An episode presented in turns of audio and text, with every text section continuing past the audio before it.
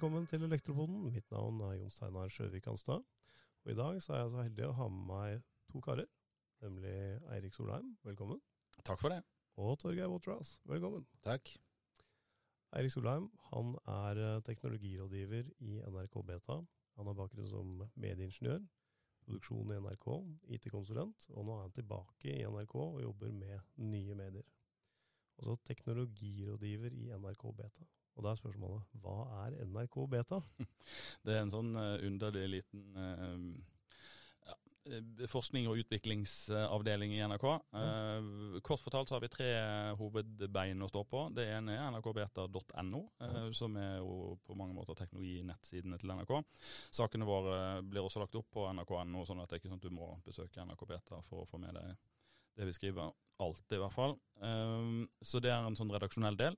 Og så har vi en um, strategisk del som handler om at vi følger med på ny teknologi hele tiden. Og hvis det kommer noen nymotens greier som heter Snapchat eller TikTok, så, så, skal vi ha testet det ganske lenge, og vi skal kunne ha en idé om hva, hva dette vil bety for, uh, for, resten av NRK.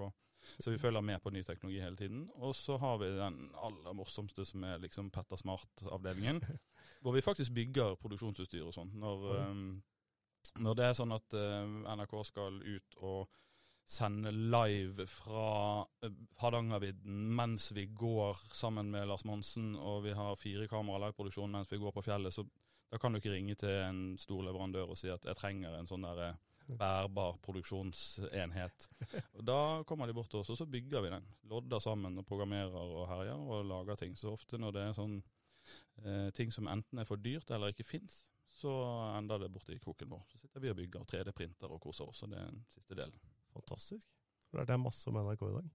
Mm. Men sånn beta har jeg ikke så veldig godt forhold til utgangspunktet. Da tenker jeg på sånn VHS beta. Det ble borte. Det var veldig ja, bra, så forsvant det. Og betatesting. Beta det, det, lå litt i, når vi laget det navnet den gangen, så var det litt det at vi, vi skulle være de som, som, gjør ting og leker litt med ting og tester ting litt før det blir satt i produksjon, gjerne. Men så, så har vi endt med å lage en del sånn produksjonsting òg, som faktisk har virket. Fantastisk. Da vet vi litt mer om deg, Eirik. Og vi har invitert deg her i dag fordi du eh, har sagt ja til å være foredragsholder på Nelfos teknologikonferanse. Ja, det gleder jeg meg til. Ja, Vi gleder oss veldig til å høre deg. Og det er jo tema smarthus. Ja, da skal vi hjem. Da skal vi ut av betakroken, så skal vi hjem til meg. Det, hjem til deg? Ja, det er kjempegøy. Ja, det er gøy. Har du vært hjemme, da? Ja, jeg har eh, mye greier. Eh, som eh, lidenskapelig teknologientusiast så har jeg jo bygget. Og så kan vi kan sikkert diskutere videre om det er et smart hjem eller om det ikke er så smart. Men jeg har mye, mye dingser og duppeditter til glede og forargelse for resten av familien, ja. ja. Hvordan starta interessen for smarthus? Er det jeg, jeg, tror den har alltid vært der. For jeg har alltid Jeg har, eh, jeg har sittet liksom foran loddebolten siden jeg var fem eller seks år gammel. Så jeg har hatt en sånn teknologiinteresse som bare er der. Og så så jeg at nå begynner det å komme greier som til og med produkter som du kan kjøpe hvor du kan styre lys og liksom. Så begynte vel, begynte vel kanskje med lysstyring aller først. Ja. Og, og, begynte med det lenge før det fantes de produktene jeg trengte. Så jeg måtte jo bygge lysbryterne selv fra grunnen av for å kunne styre det osv. Så, videre. så det var eh, Men det var kanskje lys som var det aller første. Ja. Og så har det ballet på seg til eh, automatisk styring av varmen i speilet på badet, og overvåking av fuglemateren og ja, mye annet. Kul. Ja. Men det å bygge lysbytteren selv er jo ting som elektrikere liker å høre. Ja. ja, men, men dette var det, det, var kommet noe lysbrytere, og så var det jo sånn at du, du måtte styre dem fra en app. Ja. Det var jo ikke brytere, og jeg ville ha fysiske brytere. Så da eh, konstruerte jeg de 3D-printet og programmerte i noen små arduinoer og satte på loddet sammen og heiet og limte opp på veggen. De var ganske stygge, da, men det var begynnelsen. Jo, jo, men eh, det, det, som er interessant her, er jo at du sier du ville ha brytere. Ja. ja for det, jeg tror veldig mange som lager smarthus, ikke er så veldig opptatt av det fysiske grensesnittet, mann-til-maskin-grensesnittet. Det er vel ofte det at det, det er kult. Jeg er veldig opptatt av det taktile, altså det, det fysiske grensesnittet. Det er uovertruffent. Og bare ikke la meg begynne på de såkalte smarthøyttalerne og alt dette her. Eh, nei. Det er helt greit å trykke på en bryter for å dimme lyset, eller hva det måtte være. Altså det er fortsatt innafor å trykke på bryteren? Ja, helt klart. Ja. Men Det er faktisk noe av det, det premisset for å lykkes da, med et såkalt smarthus, er jo mm. at det fungerer for menneskene som bor der og bruker det. Ja. Og, og hvis det er eh, såkalt smart, men innebærer at menneskene ikke får det til, så kan man jo stille spørsmål ved smart i det hele tatt. Ja, Det er vel litt sånn hvis du lar en programmerer lage et program uten å la andre teste det, så får du jo et veldig fint program sånn rent i koden, men det er ikke sikkert at det er noe særlig brukende for andre. Mm. Ja, og det, er noe av kjernen i alt dette, og det er der både den lange kunnskapen og erfaringen kommer inn. altså lys, Hvor lysbrytere er på en vegg f.eks. er jo ikke helt tilfeldig. Det er jo blitt til gjennom erfaring, blant annet, og, og mange typer fagområder som, som har jobbet sammen over tid frem til det man har. Og Så kommer den såkalte digitaliseringen, så hopper man bare vekk fra alt og skal løse alt på nye måter. Ja. Det er et godt poeng. Brukerperspektivet må man fortsatt ha med seg. Altså. Ja, ja, det er veldig viktig. Og det er jo, Siden jeg er ingeniør selv, så kan jeg jo kjefte litt på ting som er ingeniørdesignet. eh, vi må få inn noen ordentlige mennesker her som tester det. for eh, Hvis vi lager produkter bare for nerder, så, så blir det for de få. For det at eh, folk flest er ikke så nerdete, egentlig. Nei, ikke sant. Og da, når du snakker om folk flest, så tenker du alle aldersgrupper. da. Fra du er seks år gammel til du er 86, så burde du kunne bruke den uh, kokken. Ja, og det er jo um, det, er jo det vi ser. fordi vi har i den utviklingen som gjelder internett og datamaskiner, og til og med til å begynne med mobiltelefoner, så, så var det jo bare entusiastene som kjøpte disse tingene. Mm. Eh, og, og vi, vi, godtok jo faktisk at datamaskinen måtte restartes med gjennom mellomrom for å få den til å virke. Men det godtar vi ikke når det gjelder huset vårt. Og, og, når vi har vokst opp med at jeg kan gå bort til veggen, trykke på en knapp, så kommer lyset på, ja. så godtar jeg ingenting annet. eh, så hvis jeg da trykker på noe sånn ikon i en app som ikke virker, og så kommer ikke lyset på, så blir jeg bare sur. Det må virke på en helt annen måte enn, enn det vi kanskje har blitt litt vant til når det gjelder datamaskinene, som vi til og med fremdeles godtar at av og til krasjer og er litt trege og sånn. Det synes jeg er et utrolig interessant perspektiv. Det der med at man uh, ikke har noe aksept for at ting ikke fungerer. For Hvis man kjøpte en printer for uh, eh, 20 år siden, så måtte man regne med å bruke en to-tre dager på å få den til å fungere. i det ja, hele tatt. Altså det plug and play-opplegget, uh, det var jo helt reelt, det. Ja, Vi har godtatt det der, men, men tror når det gjelder smarthus, så godtar vi det der i mye mindre grad. For vi er faktisk vant til at det vi har hatt, har virket. Lysbryteren, den har virket. Og, og, det har også virket når, når lyspæren har gått, så går du i en butikk og så kjøper du en ny lyspære og skrur den i, og så virker den. Og nå er det 18 forskjellige standarder, så hvis ikke du kjøpte riktig lyspære fra riktig leverandør, så, så virker den ikke når du skrur den i. Det er ikke bra nok. Ja, og Her er en annen ganske viktig dimensjon også. Det er at eh, hjemmet er i veldig mange tilfeller, eh, mm. og samme gjelder kontor og andre typer bygninger, er et flerbrukersted. Ja. Så det skal virke for alle, og for mange som har forskjellig perspektiv, og som ofte ikke engang vet om at det ligger noe teknologi bak her som gjør at noen hevder det er et smarthjem. Mm. Det er et godt poeng. Og en, et sånt rom som jeg syns vi egentlig ikke har klart å helt naile i den bransjen her, sånn, i elektrobransjen og i smarthusbransjen, er jo badet. Altså Når du kommer på et bad, så skal du komme inn, så skal det være varmt på gulvet. Det skal være lys i taket. Det skal være en vifte. og Du var inne på, inn på speilet stad, Erik. Altså, når du har dusja, skal det helst være fritt for ting på speilet. Altså, det skal ikke være dugg på speilet. Da, så da, speilet. da, må man ha varme i speilet, sånn at det ikke er dugg på speilet. Ikke sant? Men det er jo sånn helt basale ting som man kunne skrevet ned i en kravspekk. Men det vi løser om i dag, er å sette opp en sånn femkammerramme. Um, og Det er liksom fem brytere over hverandre. sånn at når det kommer et normalt menneske og skal prøve dette her, og da snakker vi om helt uh, standard teknologi, altså vanlige brytere, så skrur du av vifta og på og av lyset et par ganger før du klarer å komme deg på toalettet. Kanskje haste litt til og med. Og det er jo helt håpløst. Altså, vi har ikke klart å løse der grensesnittet mot bruker. Altså, det skal bare funke. Det skal komme ut på vann, det skal være lyst, det skal være varmt, det skal funke. Men det er, og der er det hårfine små eh, greier. Vi har eh, på, på, badet og på toalettet så er det automatisk lys, sånn at du bare går inn, og så kommer lyset på. Lyset på. Og det vet jo alle i husstanden, har lært seg det. Uh, og, og, selv om vi har uh, et av de fineste og, og, greieste systemene for dette her, så er det likevel en sånn bitte liten latency på at lyset kommer på. Ja. Og når vi har gjester, så, så, går de inn og så rekker de akkurat å bli forvirret før det lyset kommer på. For da begynner de å lete etter en bryter og trykke på. Så bare det der eh, Det, det er sikkert bare et par millisekund, kan, eller kanskje det er et halvt sekund, jeg vet ikke, på worst case. Mm. Og det er nok til at det blir irriterende. For det lyset må komme på umiddelbart ja. idet du kommer inn. Bare bitte litt forsinkelse, så er brukervennligheten mye lavere. Det er også fordi vi har en læring gjennom generasjoner om at hvis det er mørkt, så er det jeg som må gjøre noe. Mm. Så man har ikke med seg at det skjer ja. noe, selv om ikke jeg kan, har trigga det selv. Det, og det er en del av utfordringen med automatisering, som det her jo egentlig er. Det er mm. at, eh, at brukerne som er nær teknologi, de må være klar over det. det men i vårt tilfelle, eller vår tid, så er ikke det ennå en del av forventningen til den enkelte. Derfor så tror man at noe er galt, jeg må gjøre noe. Det er for så vidt altså akkurat det med det øh, lille rommet der, så er det et ganske godt eksempel. For jeg har jo, av dette med brukermeldighet, Mm. så har jeg beholdt de gamle fysiske LK-bryterne. Ja. Eh, og de har alle i husstanden vår bare lært seg at de skal bare stå på. Ja. For det at noe lys styres automatisk, og noe styres av den andre bryteren som jeg har limt på veggen over den gamle bryteren. Men det med de gamle bryterne er helt greit, for da, hvis jeg har uh, mine foreldre på besøk, eller et eller annet sånt, så kan de få lov til å gå rundt i huset Mm. og bruke det akkurat sånn som det alltid har vært med å slå av og på lyset med den gamle bryteren. Mm. Men det som skjer med dette lille toalettet, er jo da at du har gjester som går inn, og så rekker de akkurat på det der bitte lille halvsekundet med latency og Mm. leter etter bryteren, trykker på den, og da skrur de av lyset. Ja. Som ellers skulle skrudd seg på.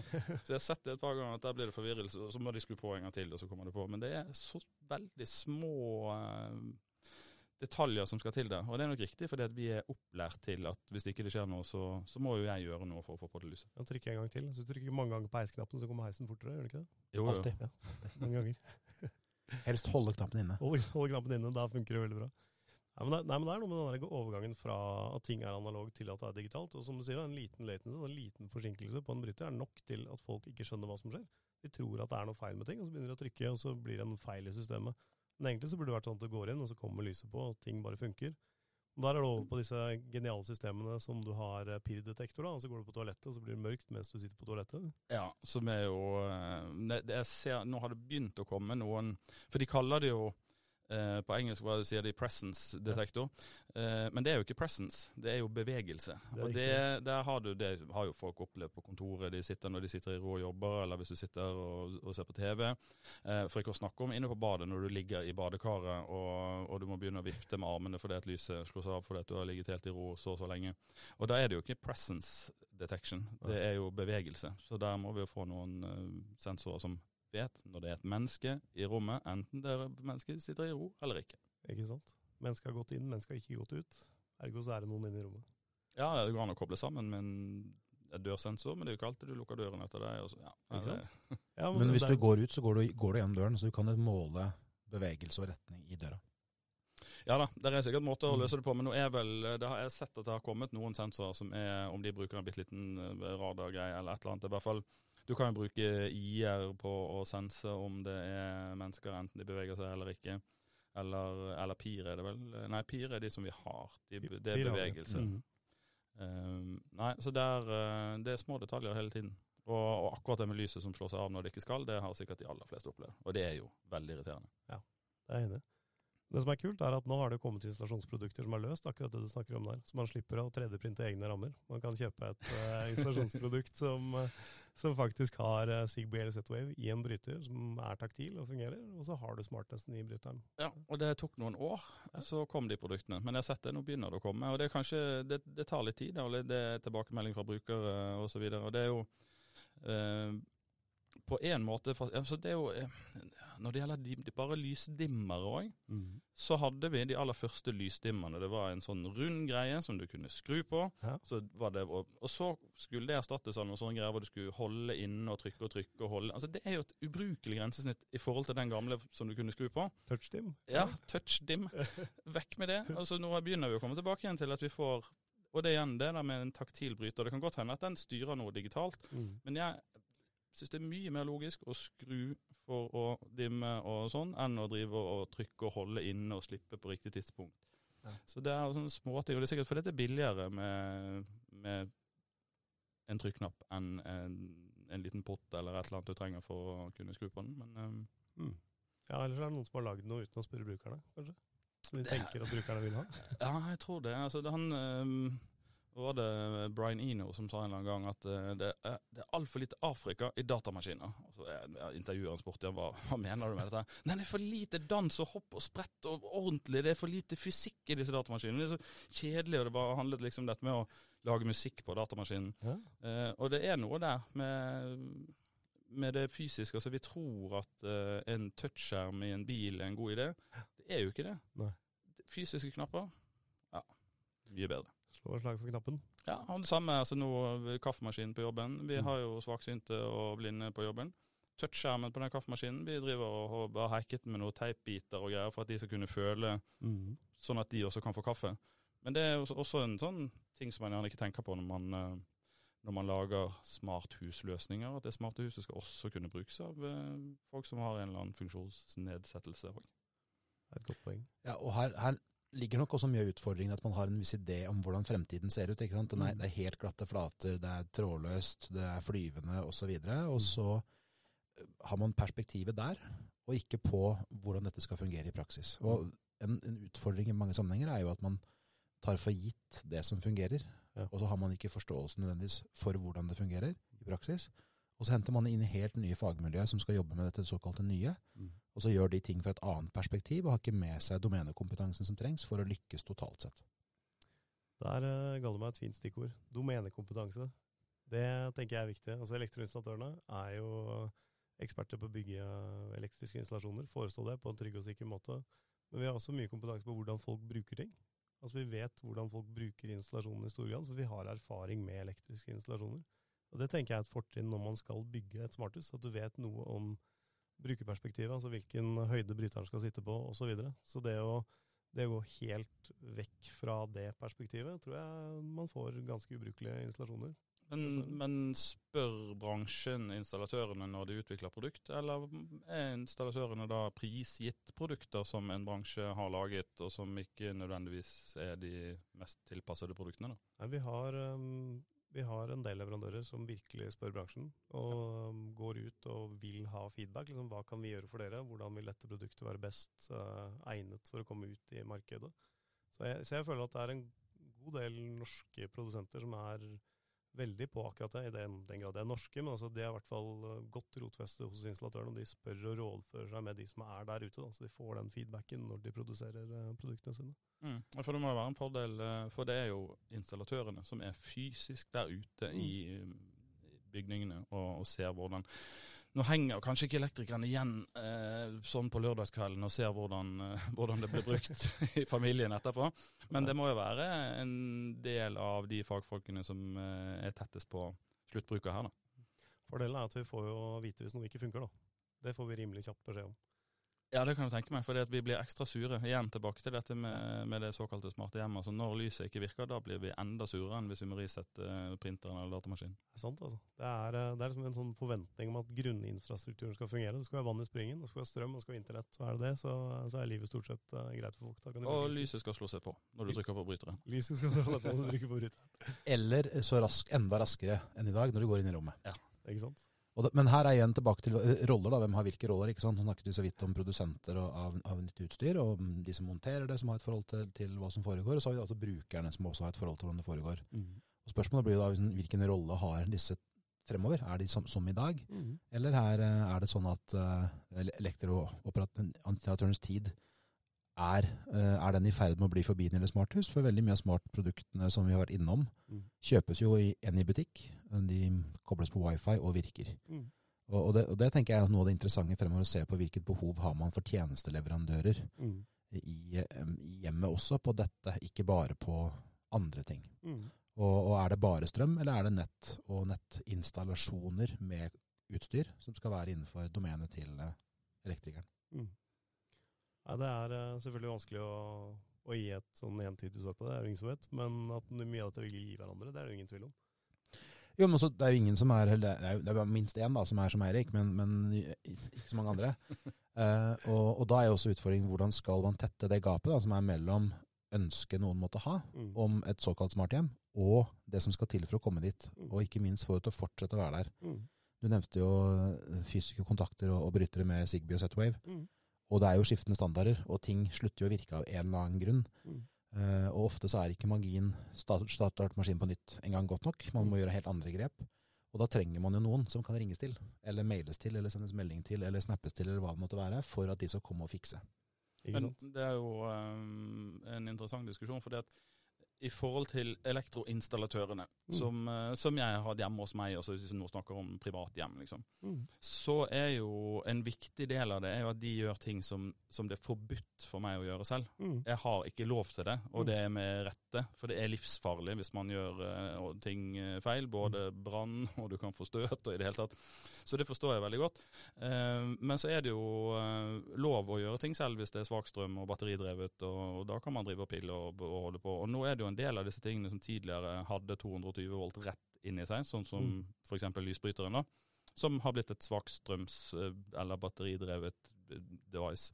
Sånn at vi kan jo nå gjøre Der hvor jeg måtte ringe til elektriker for å få en til lysbryter i stuen, Mm. så trenger jeg ikke det nå lenger. Nå teiper jeg den bare på veggen der hvor jeg vil ha den, og så får jeg den til å virke. Så det er jo eh, Samtidig som ting er mer komplekst, sånn at jeg har jo behov for kanskje en del av de tjenestene som eh, elinstallatørene har gjort, men som de kanskje har tenkt at eh, denne mm, her lever vi evig fordi at vi gjør ting som de ikke har lov til å gjøre hjemme. Mm. Mm. Og så har vi begynt å få lov til å gjøre mer, men det er likevel så komplisert at vi kan godt hende vi trenger hjelp likevel av Mm. profesjonelle. Mm. Og da er det et spørsmål hvilke vi er det vi snakker om, for vi kan jo gjøre dette selv. Vi kan holde på med disse komponentene og koble det opp til en eller annen greie og få det til å snakke sammen Ja. og programmere det og hva det måtte være. Men det store flertallet av befolkningen er ikke der. Det er helt riktig, og det tror jeg selv de som vokser opp i dag, det er bare de som har over middels interesse for dette, som, eh, som kan klare å holde på med sånn galskap som jeg holder på med, f.eks. Og Det er interessant at du sier, for hvem skal drive med dette i framtida? Hvem er kundene? Jeg tror også kundene vil, vil bli veldig differensiert. Dere to er definitivt ikke representative for en vanlig kunde. Eh, verken på smarthus eller, eller andre ting. Men, men veldig mange vil jo søke råd hos noen, og da er det kanskje naturlig å gå til den som driver med strøm og signal og de tingene der sånn, for å få ting til å funke. Og det tror jeg blir jobben til installatørene framover, er å få ting til å fungere over tid. Stabilt, godt. Lage gode installasjoner eh, når de er inne der når de blir foretrukket som, eh, som rådgiver. Men det er jo en- ja. råd. Ja, Og samtidig finne, finne, finne en posisjon man skal plassere seg i, hvor Mm. man er nær nok både leverandører og kunder. Det kan jo fremover være sånn at fordi noen har vært på Elkjøp eller hos Komplett, så trenger de hjelp av noen. Ja. Ikke fordi de skal ha en stikkontakt til eller skal pusse opp badet og trenger ledninger. Nei. Så det å se også hvor er det man kommer i møte med kundene, og hvilken posisjon skal man ta. Er det, er det en tenåring med lørdagsjobb på Elkjøp noen skal få hjelp av, eller er det noen som kan dette med, med radiosignaler f.eks., og vet at hvis du prøver å putte noe inn i badet som er et Faraday cage, så er det vanskeligere med trådløs enn hvis du er i åpent landskap. Godt poeng. Godt poeng. Ja, For det blir en kombinasjon av at du vil ha av og til hjelp av leverandøren, de som har laget produktet du har kjøpt. Mm. Eh, av og til så er det jo butikken der hvor du kjøpte det, Mm. og av og til så er det en installatør som har hjulpet deg med å få alt dette på plass. Mm. Helt klart. Det vil nok bli eh, differensiert. Forskjellige kunder og forskjellige deler av installasjonen. Men uansett så tenker jeg, du var inne på dette med Elkjøp eller Power eller disse kjedene. De selger jo ting over disk. Hvorfor kan ikke det bli en del av systemet når man er der inne? Man skal bytte en varmekabelregulator, så legg til tre lyspærer da, fra en annen leverandør inn der. Det å klare å integrere det i et system, det er jo en tjeneste man kan tilby når man først er der. Det er et slags oppsalg. Ja, absolutt. Og så må man i tillegg se på alle de dimensjonene som, eh, som kommer i tillegg. Altså, Eirik nevnte dette med at det er ikke lov å gjøre ting med strømmen hjemme, og det er det jo gode grunner til. Samme gjelder med biler som vi kjører til, til verkstedet med osv. Så, videre, så vi trenger noen til å gjøre det utenfor. Mm. Og i denne verden her så trenger vi, mange i hvert fall, eh, trenger noen til å gjøre noe med sikkerheten f.eks. For, eksempel. for det er én dimensjon å få det til å virke og få lys i lyspæra, eller få Sonosen til å begynne å spille automatisk for at du kommer hjem og er den eneste hjemme osv. Mm. Men dette må også sikres på en sånn måte at ikke du blir eh, sårbar for angrep. Enten det angrep innebærer at ting slutter å virke, eller innebærer at man blir plattform for videre angrep derfra igjen. Det er et veldig godt poeng. Har du sikra huset ditt, eh, Erik? Ja, det, jeg har tenkt uh, mye på akkurat det der. For det at jeg er jo en sånn person som kjøper nye produkter og tester og tester og holder på. Jeg vet jo at en del av de produktene kan ha sikkerhetshull osv. Så, videre. Ja. Så hvordan i all verden eh, sikrer jeg dette noenlunde? Og da, da er jeg ned på sånn nettverksnivå, hvor jeg Mm. har en, eh, en egen dedikert boks som er en brannmur, Mm. eh, og, og som håndterer dette her. Eh, hvis noen klarer å koble seg på det trådløse nettet hjemme hos meg, hvilket eh, ikke er så veldig vanskelig siden det er noe som også rekker langt ut, utenfor huset, eh, så må du jo ha passordet til eh, det trådløse nettet. Det bør man jo sikkert bytte en gang i uken. Eh, kan jeg love deg at det gjør ikke folk, og idet jeg bytter det passordet på det trådløse nettet, så har jeg jo 23, eller ikke 23, 223 dingser som jeg da må gå inn og endre det på osv. Så, videre. Så hvordan løser jeg det? Uh, og, og jeg er på et sånt nivå at jeg da har to nett. Ett nett for alle disse rare små IOT-dingsene. Et annet for mobiltelefonen og datamaskinen og det som, eh, som, jeg anser som litt viktigere maskiner. på en måte. Og så har jeg satt opp sånn at hvis noe, en eller annen ny device kobler seg til nettet hjemme, så blir den lagt i karantene. Så det, du får ikke tilgang før For jeg får push-varsel på min mobil om at nå er det en ny som har uh, koblet seg på. Og så kan jeg sjekke om det er noen som skal få lov eller ikke. Så selv om du klarer å finne passordet til det trådløse nettet, og kommer det på nett, så kommer det ikke på nett likevel, fordi at jeg må faktisk godkjenne. Det er litt irriterende når uh, guttene har uh, gjester på besøk, og hver eneste mobiltelefon må godkjennes av pappa før de kan få tilgang til nett osv. Uh, men det er nå sånn det. det er. så jeg, jeg, har prøvd, men det er sikkert mulig å hacke seg inn på, på systemet mitt også. Og så har jeg valgt å ikke integrere dørlåsen i resten av smarthussystemet i det hele tatt. Den, er liksom, den, er på sin egen napp og er utenom alt det andre. Uh, for det er en, en, av dingsene som jeg vil ha ekstra høy sikkerhet på. Om en eller annen klarer å hekse inn og slå på lyset på badet hjemme hos meg, så det, det, kan jeg tåle. Men ikke hvis de kan åpne døren. Men det jeg hører ut fra dette, er at du har et veldig bevisst forhold til hva du øh, eksponerer, hva du ikke eksponerer. Sånn litt sånn splitt og hersk-teori, da. Ja, absolutt. Men, men, det vet jeg jo at det er jo sånne som meg, som har utdannelse på området, som, som driver med. Eh, så det er jo også noe som eh, man burde kunne få råd til fra, fra f.eks. installatører som eh, er ute.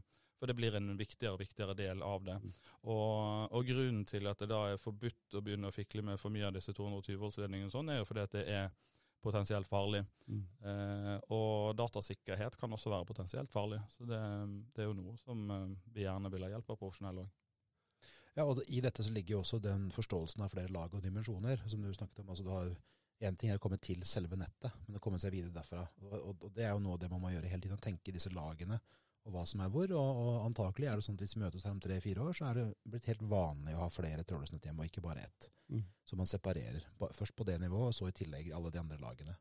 Og, og så da videre følge med på hva som foregår. Og da er jo også en av utfordringene når man har en brannmur, som for alle vi tre har mm. hjemme, så er det jo også sånn at da begynner man å få meldinger fra den. Og så, ok, og hva betyr det? Mm. Hvordan skal jeg forholde meg til det? Og Der vet vi at en av utfordringene for folk er at de får melding om at et eller annet har foregått eller foregår. Og så leiter man etter OK, hvordan får jeg bort denne meldingen? Mm. Fordi i realiteten så kan man ikke forholde seg til det som står der, for du, du vet ikke, ikke nødvendigvis hva det betyr, og hva du eventuelt skal gjøre med det. Ja, Det er et godt poeng. Det er, ikke, det er ikke bare å overvåke, det er greit å ha et forhold til de meldingene som faktisk kommer inn også. Men jeg vil heller ha for mange push-varsler, så jeg vet hva som foregår i nettverket. Og så heller bare flippe de bort, ettersom jeg vet hva det er. Ja, og da er vi tilbake til interessen igjen. Mm. Og igjen tilbake til, altså, Hjemmet blir stadig mer komplekst, mm. så kanskje kommer vi på et tidspunkt til å få EU-kontroll for boligen. Ja. Ikke bare på strøm, sånn som nå, men at det kommer noen og sjekker alt i boligen jevnlig og lager en rapport og, og, og overrekker til deg, og sånn og sånn må du gjøre og ikke gjøre. Så etter hvert så vil det bli interessant å se hva som da skjer i forsikringsspacet rundt alt dette. Særlig hvis man har kobla døra da, på ja, men det er, eh, det er, viktig det med, med, hva du får varsel på også, og, og ikke få varsel på for mye. Mm. Uh, et eksempel jeg, da han yngstemann, eller eldstemann hjemme, da, da, han rundet 18, så fant jeg ut at nå må jeg ha litt kontroll på dette barskapet hjemme. Ja. Så jeg satte jo en sånn sensor på barskapdøren, som gjør at jeg får push-varsel hver gang barskapet åpnes og lukkes. Og det tok jo ikke lang tid før han 18-åringen skjønte det. Sånn at da står jo han bare hjemme og så åpner og lukker og åpner og lukker. Sånn at jeg får bare en million meldinger om at barskapet er åpnet og lukket. Og så har jeg ikke regnet Da, da mister det jo sin verdi, selvfølgelig. For det ble for mye. Fantastisk. Det var jo litt til pass for deg, da, siden du satte på en sånn Ja, ja, ja, ja. Han syntes det var kjempegøy, da.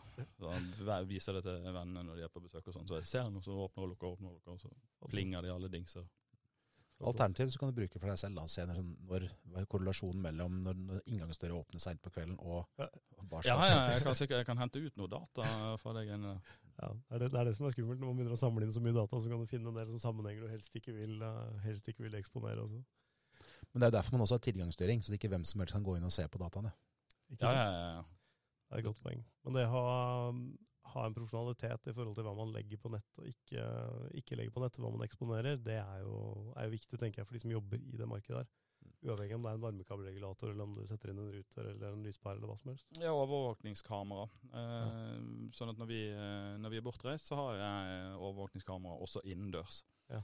Eh, men der er jeg litt sånn paranoid og stoler ikke på noen. Sånn at de kameraene, eh, de er ikke slått av i appen de har ikke fysisk strøm på Nei. når vi er hjemme. Sånn at de, Der er det sånn at når vi skal på ferie, så fysisk setter jeg i kontakten. Eh, for jeg vil ikke ha masse kamera innendørs sånn til daglig i dagliglivet som, som eventuelt kan hackes inn på. Så da eh, er det ikke mulig å komme inn på de. Så blir det litt jobb for meg å gå og plugge i disse kameraene når vi skal reise bort, men det klarer jeg. Og Her ligger noe av det som er en utfordring for de aktørene som vil inn i dette markedet. Det er hvordan skal de også håndtere det som du nevnte, ikke eksponere noe ut på nett. Men samtidig også hvordan håndtere at de kommer til å komme i kontakt med folks data som kan tolkes og kan bety noe. Men som også da kan misforstås og mistolkes, selvfølgelig. Og misbrukes. Så, så det er noe av det vanskelige dette. Der man før bare, bare i hermetegn monterte opp strøm, så det var strøm flere steder i boligen, Mhm. så kan man kanskje nå montere utstyr som fanger data, man skal kanskje ha tilgang til de dataene etterpå, som betyr at i tillegg til å kunne teknisk sett montere riktig, så må man også etisk, moralsk og juridisk håndtere data riktig. Et veldig godt, uh, godt poeng. Et viktig perspektiv å ta med seg inn i dette, som jeg tror mange kanskje glemmer litt. da. Når man tar i bruk ny teknologi, bare få det til å funke og få det opp og gå. Det er, det er på en måte det viktigste. Så glemmer man kanskje de perspektivene rundt med, med datafangst og databruk og hele den eh, delen der. Så det er et veldig viktig poeng. Litt sånn tilbake til huset ditt, uh, Eirik. Ja. Uh, nå har du holdt på med smarthus. Uh, alt fra å lodde egne brytere til å ha smarte fuglematere. Hvis du skal gi eh, tips til folk, hva er, det, hva er det første de bør eh, starte med i et smarthus? Hva er det mest fornuftig å, å, å ta tak i? Ja, så det jeg begynte med var øh, lyset. Og bytte ut en del lyspærer med smarte lyspærer, og, og at du har en eller annen hub. da.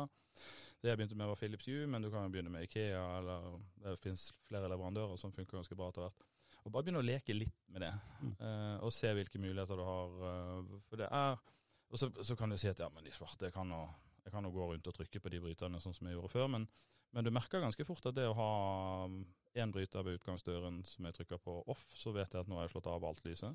Sånne småting som, som virker eh, ikke så viktige, men som, som du vil savne hvis det slutter å virke.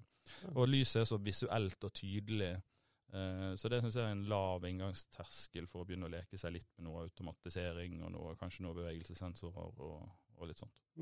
Starte med belysning og leke seg fram.